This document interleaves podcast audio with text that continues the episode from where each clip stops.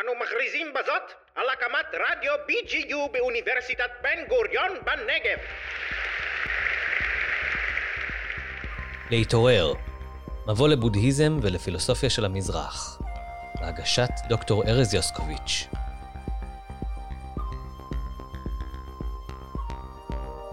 שלום לכם, וברוכים הבאים לעוד פרק של הפודקאסט להתעורר, מבוא לבודהיזם ופילוסופיה של המזרח. אתם מוזמנים להאזין לחלקה השני של השיחה ביני לבין דוקטור קרן ארבל, אודות מיינדפולנס. שתהיה לכם האזנה ערבה.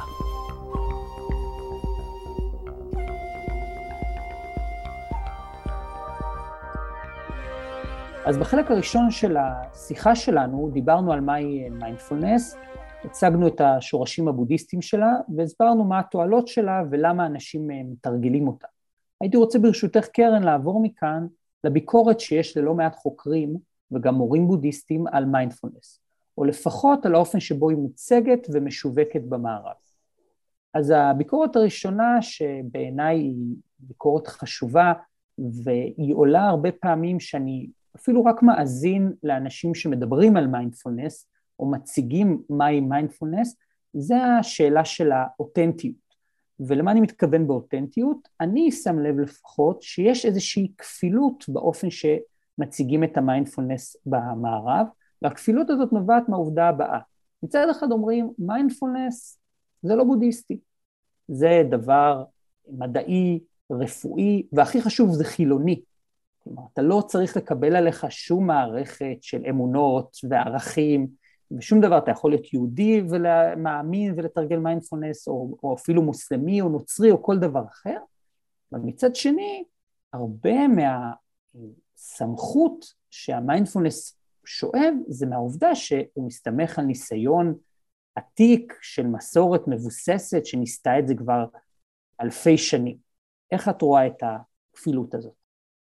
אני חושבת שבמובן מסוים, תרגול של uh, קשב מהסוג הזה, לא צריך להיות בודהיסט בשביל זה. זאת אומרת, היכולת להיות uh, במגע עם החוויה הנוכחית בבהירות, לא צריך להיות uh, בודהיסט בשביל זה. ולכן אפשר לקחת את זה מתוך ההקשר הבודהיסטי, וללמד את היכולת לפגוש את החוויה בצורה שהיא יותר משחררת.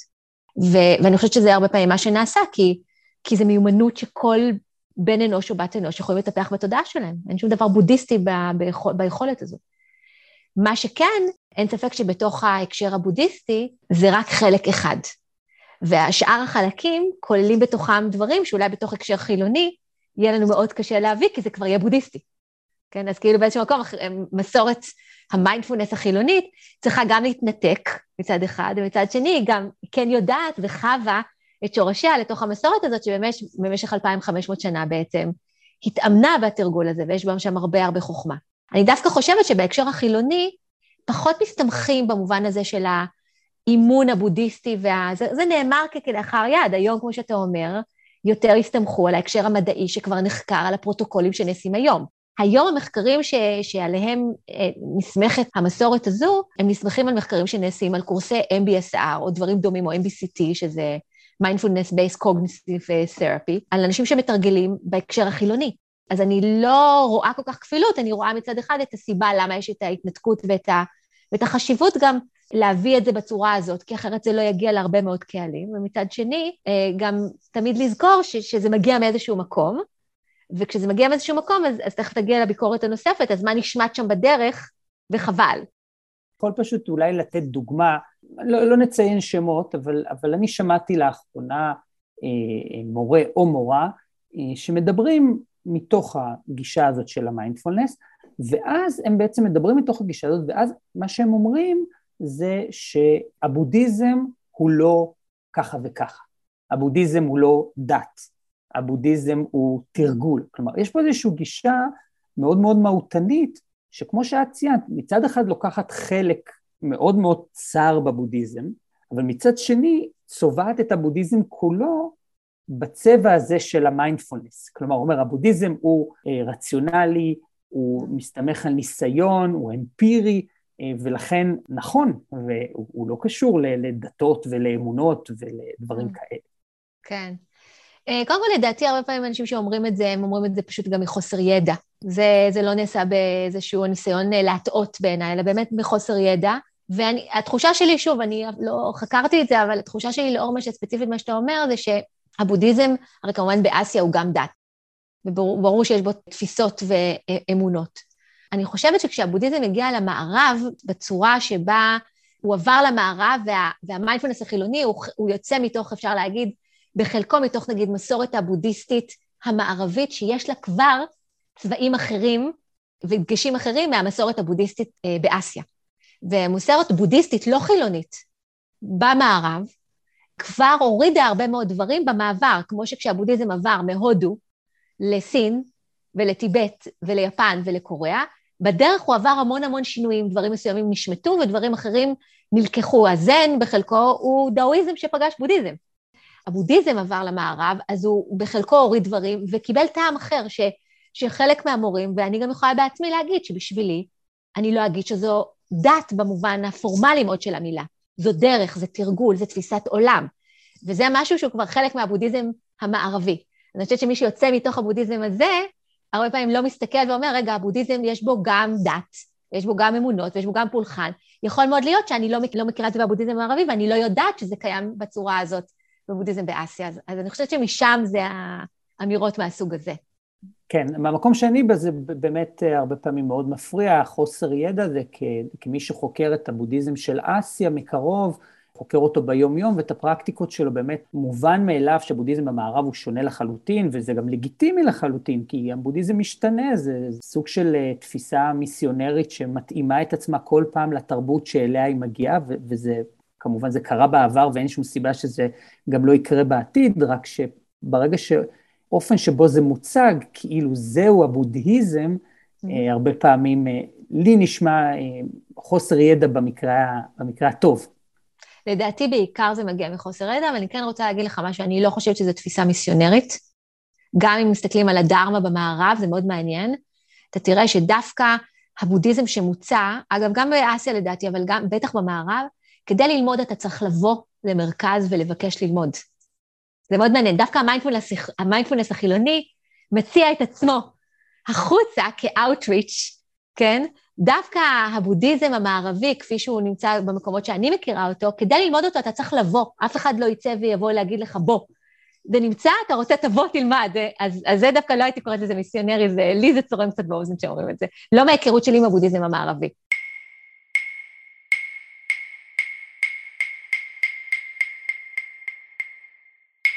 נעבור, אה, נעבור בעצם לביקורת הבאה, שלדעתי גם אה, היא הרבה יותר חשובה לפחות, זה באמת הקשר בין מיינדפולנס אה, למוסר.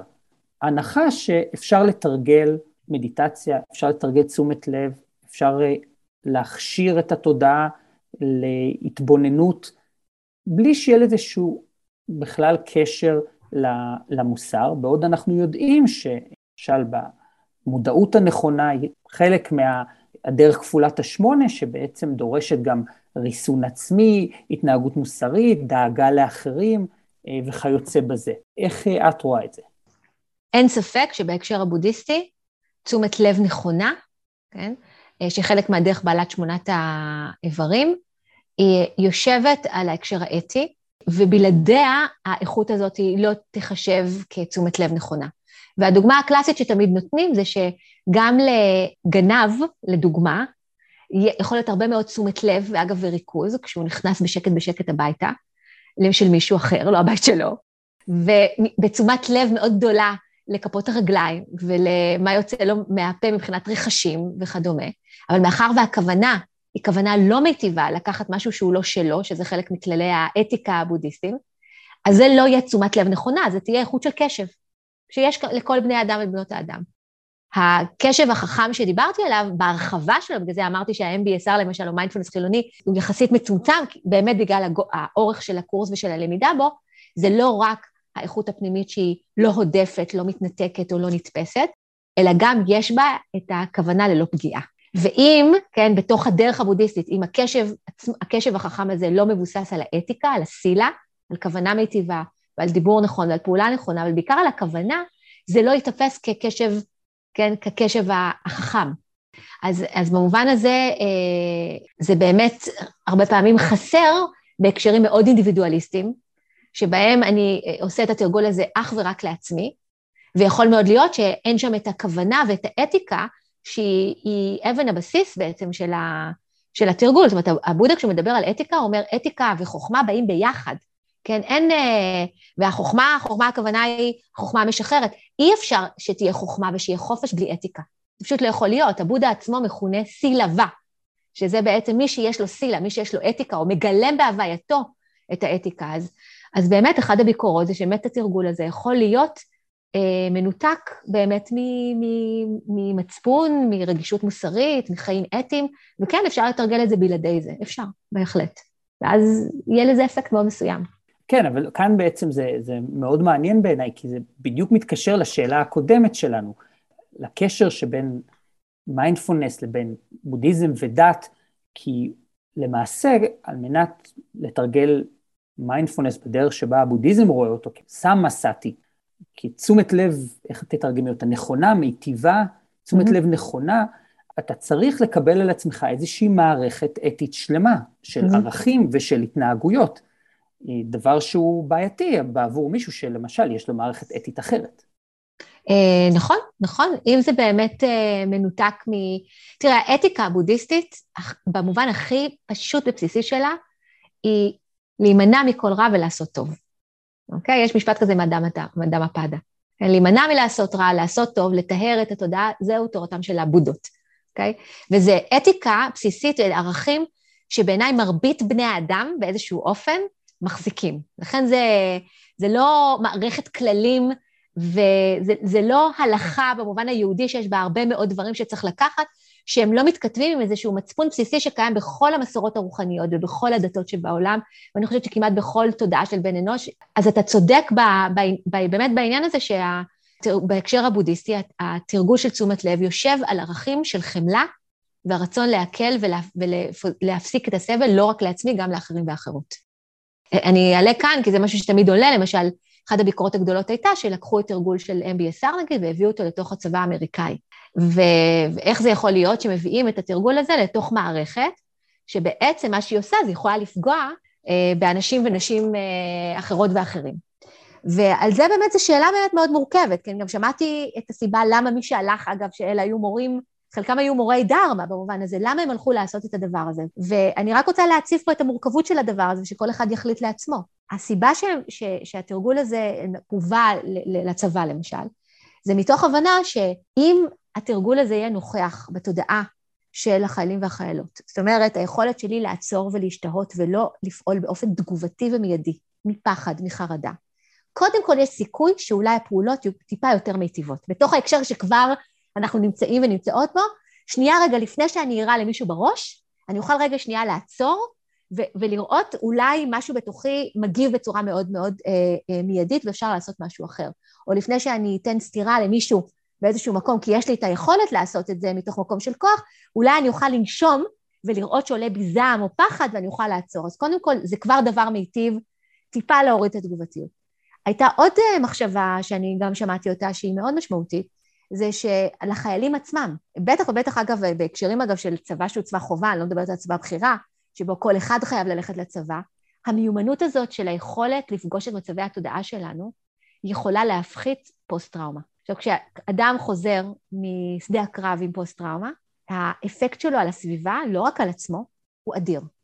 לבני ובנות הזוג, לילדים, כן, להורים, והמחשבה שאפשר לתת לאנשים את המיומנות הזאת, לפגוש קשיים גם בתוך מערכת צבאית, ושהתודעה עצמה תוכל להתמודד איתם בצורה שלא תיכנס לתוך, אה, לתוך פוסט-טראומה, זה גם משהו מאוד מיטיב, שהוא לא רק מיטיב לאדם עצמו, הוא מדיב לסביבתו כשהוא יוצא, כן, מהמסגרת הצבאית. אבל המורכבות קיימת כאן, אני רק רציתי להציב, זה לא שיש לי איזו עמדה חד משמעית לגבי העניין הזה, אבל אני יכולה לראות את כל הצדדים, למה להביא את זה, אבל למה גם הקושי להביא תרגול שיושב על אתיקה של נון-הרמינג, לתוך מקום שבגדול הוא הרמינג.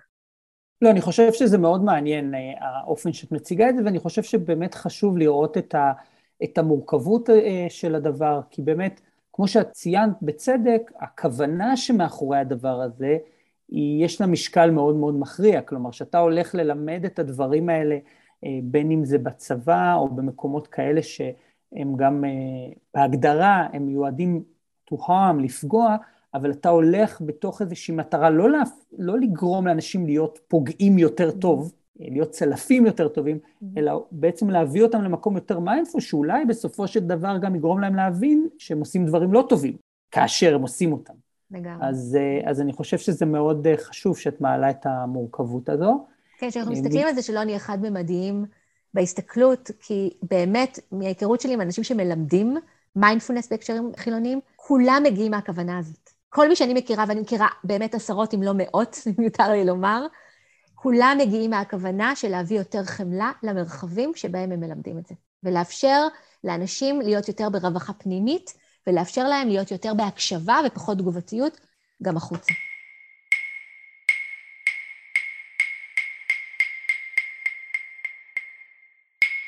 אני אקח אותך מהמקום המאוד, אה, מהחמלה ומהמקום הככה גבוה הזה למקום טיפה יותר ציני.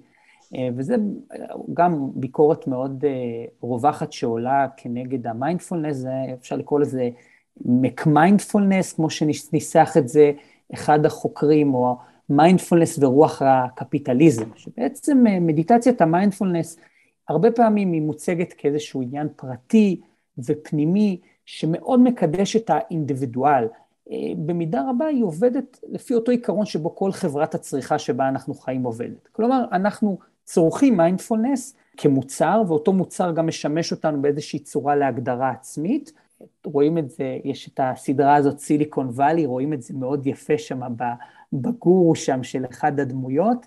כלומר, המיינדפולנס זה איזשהו סמן, איזשהו מותג, אה, שמסמן איזשהו תכונות שאני רוצה לראות בעצמי, נגיד רוחניות מול אה, חומריות, עומק מול שטחיות, רוגע ושלווה מול לחץ וסטרס אה, וכיוצא בזה. השאלה היא, האם במידה רבה, כאשר אנחנו לוקחים דרך שלמה, כמו הבודהיזם, שבה האדם מחייב את עצמו למערכת רעיונית ואתית, ולחיים שלמים של תרגול, כמו שרבים מהאנשים שחיים את הדרך הזאת עושים, והופכים אותה לאיזושהי שיטה, לאיזשהו משהו שאני קונה בקורס של שמונה שבועות, לא הופך את זה לאיזשהו אה, חלק מהתרבות הקפיטליסטית. קודם כל, אנחנו קצת כולנו חלק מהתרבות הקפיטליסטית, בואו נודה על האמת, בסדר? בואו לא נוציא את עצמנו מה... אוקיי? אני לא מוציאה את עצמי. וכן, זה יכול בהחלט להיות. כל דבר טוב, אפשר לעשות בו גם שימושים פחות טובים. קשה לי לראות את השימושים האיומים שיכולים להיות מדברים אחרים שהרבה פעמים יכולים להגיד. למשל, אני יכולה להגיד שטכנולוגיה היא לא בעייתית כשלעצמה, השאלה מה אנחנו עושים איתה. אבל יכולה להוביל לדברים באמת איומים מאוד, גם לתודעה שלנו וגם לאחרים ואחרות. קשה לי לראות באופן אישי איך תרגול של קשב ותשומת לב וחמלה ויציבות יכול להיות להגיע לשימוש איום ונורא. הוא כן יכול להיות להדרה של עצמי, הוא יכול כן לעשות, כן, אבל זה לא, אני קשה לראות דברים איומים, אבל אני כן יכולה לראות, אם זה לא מגיע בתוך הקשר יותר רחב, שזה יכול להשאיר אותנו קצת יותר מודעים, אבל זה לא באמת ישנה באופן מהותי את האופן שבו אני חיה בעולם, האופן שבו אני פוגעת בסביבתי, באנשים אחרים, בסביבה באופן כללי, מבחינת הצרכנות שלי וכדומה. זה יכול להיות, זה בהחלט יכול להיות. וזה באמת הביקורת החשובה שנשמעת. אני חייבת להגיד שאחד הדרכים בעיניי שזה לא יקרה גם עם מיינדפולנס בהקשר חילוני, זאת אומרת שלא מביאים את כל הדרך הבודהיסטית, זה שמי שמלמד את הדבר הזה, מגיע מתפיסת עולם ערכית מיטיבה, אוקיי? הוא לא חייב להיות בודהיסט, אבל שיש שם תפיסה ערכית של אי פגיעה, אוקיי? לקחת את ה... באמת, את, ה, את הערך המאוד בסיסי הזה, שוב, אני אומרת שהוא קיים בכל המסורות לדעתי, בכל העולם. אם מי שמלמד מגיע מתוך הכוונה הזו, הרבה פעמים גם בלימוד שבמקומות נראה לנו הכי שיא הקפיטליזם, והאינדיבידואליזם, אפשר להתחיל להכניס את השאלות, למה אני עושה את מה שאני עושה? למה אני צורכת בצורה שאני צורכת? כן, זה תשומת לב. למה התנועה הזאת עכשיו, אני עושה אותה כרגע? האם היא מיטיבה, האם היא לא מיטיבה? להעלות את השאלות הערכיות, גם אם אני לא באה עם התפיסה הבודהיסטית הערכית והניסוח הבודהיסטי, התרגול עצמו מכוון לשאול את השאלות העמוקות, באיזה אופן אני חיה בעולם בעיניי. ותשומת הלב היא הבסיס. אז זה הדרך בעיניי להימנע ממה שאתה אומר, זה שמי שמלמד את זה, מגיע עם הכוונה להביא את השאלות הערכיות האלה גם בהקשר החילוני. אני מסכים איתך לחלוטין, אני פשוט, אה, אחד הדברים שבעיניי הם אה, בעייתיים, זה שמיינדפולנס וכל הגישה שאומרת שהשינוי מתחיל בתוכי, כלומר, שאני צריך לשנות את התודעה שלי, ואם אני אהיה יותר ממוקד ויותר שלב, אז באופן טבעי תבוא טרנספורמציה חברתית וטרנספורמציה ארגונית. הרבה פעמים התפיסה הזאת יכולה לשרת כל מיני אינטרסים שמעוניינים להנציח ולהצדיק ולייצב את הסטטוס קוו, ולחזק בעצם את מי שרוצה להנציח את הקפיטליזם הצרכני. כלומר, את יודעת, נגיד ניקח דוגמה, יש נגיד עובדי אה, צוות רפואי שהם אה, אה, מאוד מאוד שחוקים.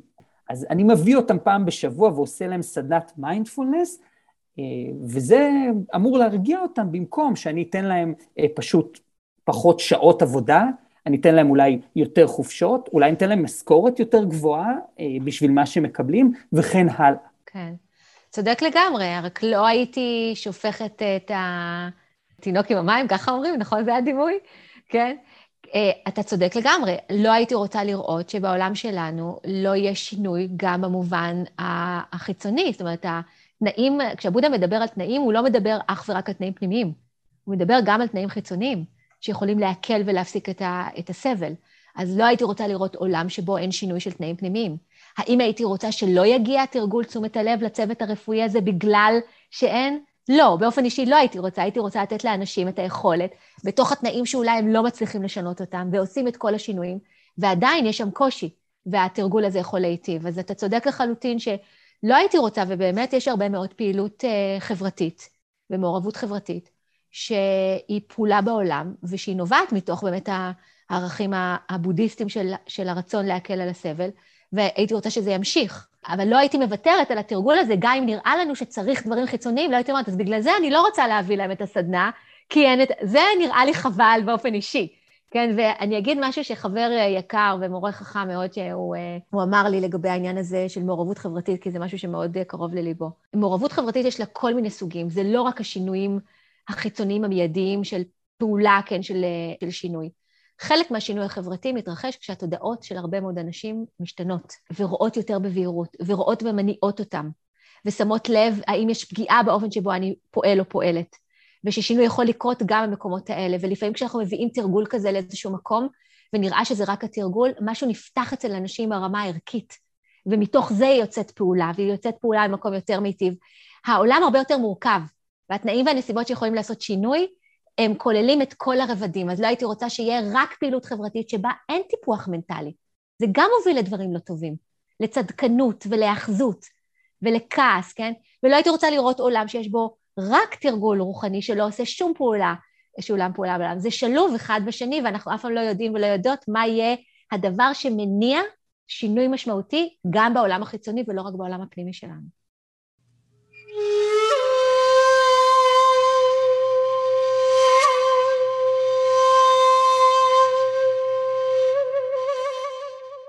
אנחנו דיברנו על MBSR ומקדנו ב-MBSR ואנחנו מדברים על מיינדפולנס אה, כטיפול.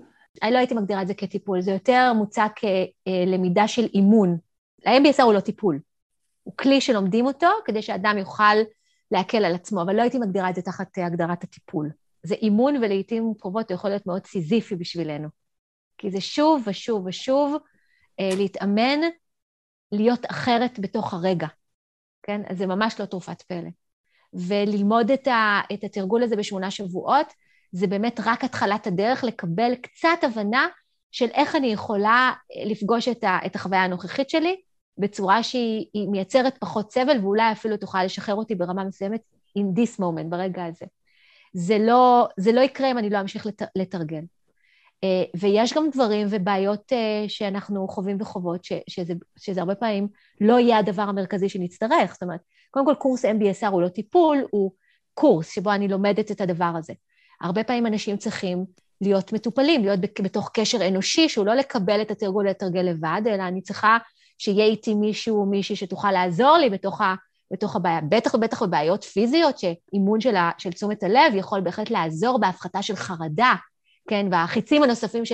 אבל צריך טיפול פיזי, כן, אה, אתה צריך טיפול אה, רפואי שהוא, אה, שהוא לא רק כמובן תרגוש של תשומת לב, אז זה בהחלט לא תרופת פלא, וזה לגמרי אימון, והרבה פעמים צריך לבדוק האם אני צריכה עוד דברים שהתרגול הזה כרגע לא יכול לאפשר לי, ואני צריכה עזרה, שזה לא רק אני עם עצמי, שזה גם כן חלק משמעותי בדרך שאנחנו עושות, לדעת את זה. מתי אני צריכה עזרה נוספת בדברים נוספים שאולי זה לא מספיק כדי שאני אעבוד עם הקשיים שלי. אמר לי לאחרונה פסיכיאטר די ידוע שמשתמש הרבה ב-MBSR ובטיפולים מבוססי מיינדפולנס, שאחת הבעיות הכי גדולות שהוא רואה אצל מטופלים שלו, זה בעצם שהם לא מתמידים. Mm. כלומר, הוא אומר, קל מאוד ללמד מיינדפולנס אנשים, ללמד אותם איך לתרגל, אבל קשה מאוד לגרום להם להמשיך אה, בתרגול הזה לאורך זמן. נכון, זה לא רק בהקשר, אגב, של, אה, של מיינדפולנס אה, חילוני, זה קשור גם בהקשר של מי שמגיע לתוך הקשרים אה, בודהיסטיים, שמאוד קשה להתמיד לבד. זה היה, לכן הסנגה, שלושת אבני החן של, ה, של הדרמה של הבודהיזם, זה, זה הבודה, שזה ההתעוררות, או אפילו הדמות עצמה כמעוררת השראה, הדמה, שזה הדרך והתרגול והלימוד, והסנגה זה הקהילה. נורא נורא קשה לתרגל לבד. נורא קשה לתרגל לבד משהו שהוא הרבה פעמים הפוך מהתנועה האוטומטית של התודעה. התנועה רוצה להתנתק, היא רוצה להיות מוסחת, היא רוצה לא לפגוש כאב, והתרגול של תשומת לב הוא הולך נגד הזרם, לא סתם, נגד הזרם האוטומטי. קל לנו לראות, להבין את התרגול הרבה פעמים, וקל לנו גם לראות את הבנפיט, אבל מאחר והדפוסי התודעה שלנו הם כל כך חזקים, מהרבה שנים של אימון הפוך לזה, זה קשה לעשות את זה לבד. אז גם צריך תמיכה של, של אחרים ואחרות. הרבה פעמים צריך להמשיך וללמוד כדי לקבל השראה למה להמשיך. זה בשבילי, אני יכולה להגיד. לשמוע דברים שגם לפעמים הם רחוקים מהמקום שאני נמצאת בו עכשיו, כדי שזה ייתן לי השראה. פשוט כדי להמשיך בדרך ולחוש שיש משהו שאני, כן, האמון שלי לאט, לאט לאט מתפתח, אבל אתה צודק, זה באמת לא פשוט וצריך תמיכה. צריך תמיכה. תודה רבה, קרן, כרגיל היה תענוג גדול. בשמחה, באמת היה כיף. תודה שהזמנת אותי. עד כאן להפעם. תודה גדולה לדוקטור קרן ארבל על התובנות המרתקות. אני רוצה להודות גם ליחידה לקידום ההוראה ולמחלקה לפילוסופיה באוניברסיטת בן גוריון על החסות. וכמובן לדוקטור בוזי רביב היקר מרדיו BGU, שממשיך ללוות אותנו מרחוק. אם יש לכם שאלות או תגובות, אתם מוזמנים לבקר בעמוד הפייסבוק של התוכנית. אם אתם מאזינות לפרק בספוטיפיי או אפל מיוזיק, אל תשכחו לדרג אותנו. זה עוזר לנו להגיע ליותר אנשים. וכמובן, אם נהניתם מהפרק, אל תשכחו לחלוק. להשתמע.